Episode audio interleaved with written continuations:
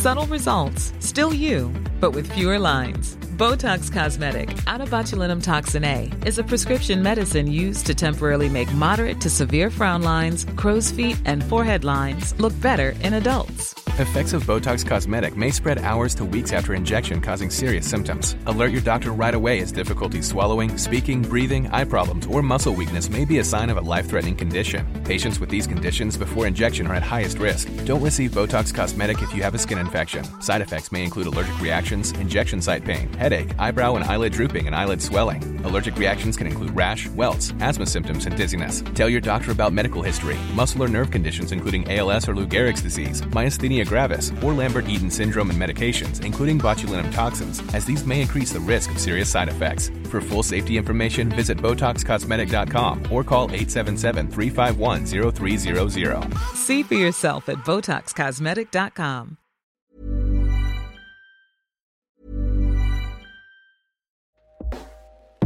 Hey everyone, I've been on the go recently Phoenix, Kansas City, Chicago. If you're like me and have a home but aren't always at home, you have an Airbnb. Hosting your home or a spare room is a very practical side hustle. If you live in a big game town, you can Airbnb your place for fans to stay in. Your home might be worth more than you think. Find out how much at airbnb.com/slash host.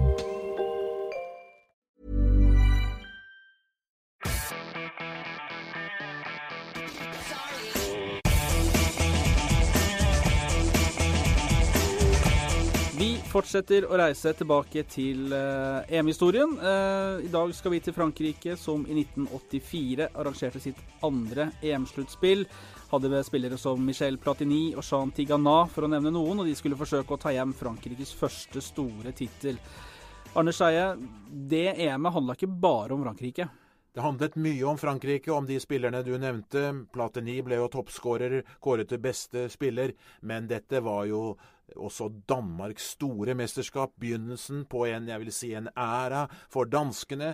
To år senere gjorde de det godt i VM i Mexico, og i 92 så ble de jo sågar europamestere i Sverige. Og hadde et fantastisk lag under eh, trener Piontek. Skal ikke nevne alle navnene her, men jeg syns vi i all rettferdighetens navn bør nevne Morten Olsen, Preben Elkjær og Mikael Laudrup spillere i verdensklasse. Og de sto fram for første gang med Danmark i 84 i Frankrike.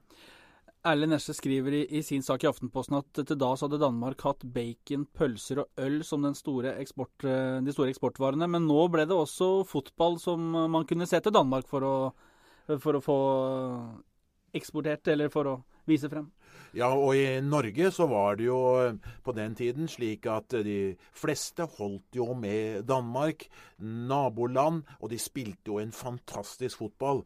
Eh, med Laudrup og, eh, Laudrup og Elkjær på topp. Det var veldig moro å følge Danmark i det europamesterskapet og de mesterskapene som skulle komme.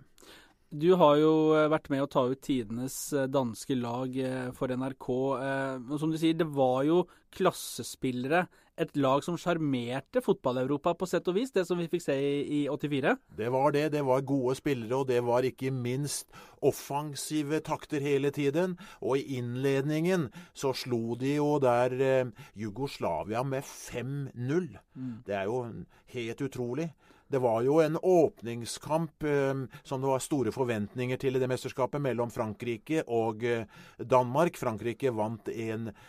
Eh, det som var veldig trist i kampen, var jo at Allan Simonsen brakk beinet. Allan Simonsen, en av de aller, aller største profilene vi har hatt i skandinavisk fotball. Han ble jo også kåret til Europas beste, så det var trist. Men danskene kom sterkt tilbake i mesterskapet etter 0-1 i første kamp. Men det gikk ikke helt veien. De gjorde ikke det. De kom da opp mot Spania og tapte da på straffesparkkonkurranse. Og det var selveste Preben Elkjær da som ble syndebukk, som misset for Danmark, og Danmark var ute av det mesterskapet. Du nevnte Platini, toppskårer i mesterskapet. Ni mål uh, på fem kamper. Det er et brukbart snitt. Det er et veldig bra eh, snitt, og han uh, var jo da med selvfølgelig og var hovedarkitekten bak 5-0 mot uh, uh, Belgia, hvor han ga, la grunnlaget med et uh, hat trick. Han var strålende i det mesterskapet, Platini. og vi må vel si at det syvende og sist var et meget fortjent mesterskap. For de hadde jo slått Danmark da i innledningen, og i finalen så ble det jo seier da 2-0 over Spania.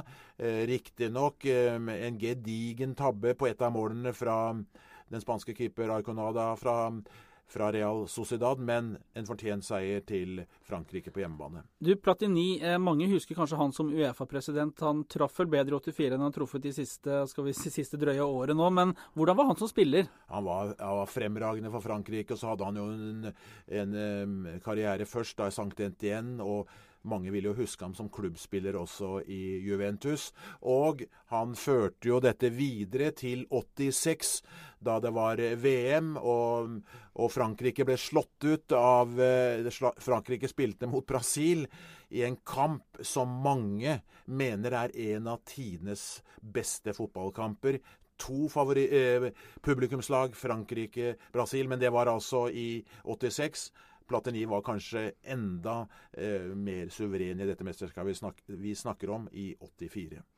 Eh, det er jo litt morsomt, fordi det er jo et nytt fransk lag som er i ferd med å vokse seg frem nå, før eh, dette mesterskapet. Uh, har du tenkt noe rundt hvordan du tror Frankrike kan gjøre det nå med, i mesterskapet på hjemmebane? Jeg er veldig dårlig til å tippe, men jeg tror Frankrike kommer til å gjøre det veldig godt. For hvis vi ser på hva som skjer i mesterskap med vertskapet, så viser det seg at vertene bestandig gjør det godt. 84 vant de. De hadde VM på hjemmebane i 98, vant. Og som du sier, de har et nytt lag, et spennende lag. De er på hjemmebane. De har tolvte spiller på tribunen, som det så fint heter.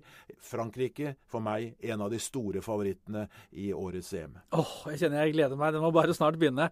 Vi takker Arne Skeie for hjelpen igjen, og vi fortsetter vår reise i EM-historien. Neste mesterskap ut er EM i 1988.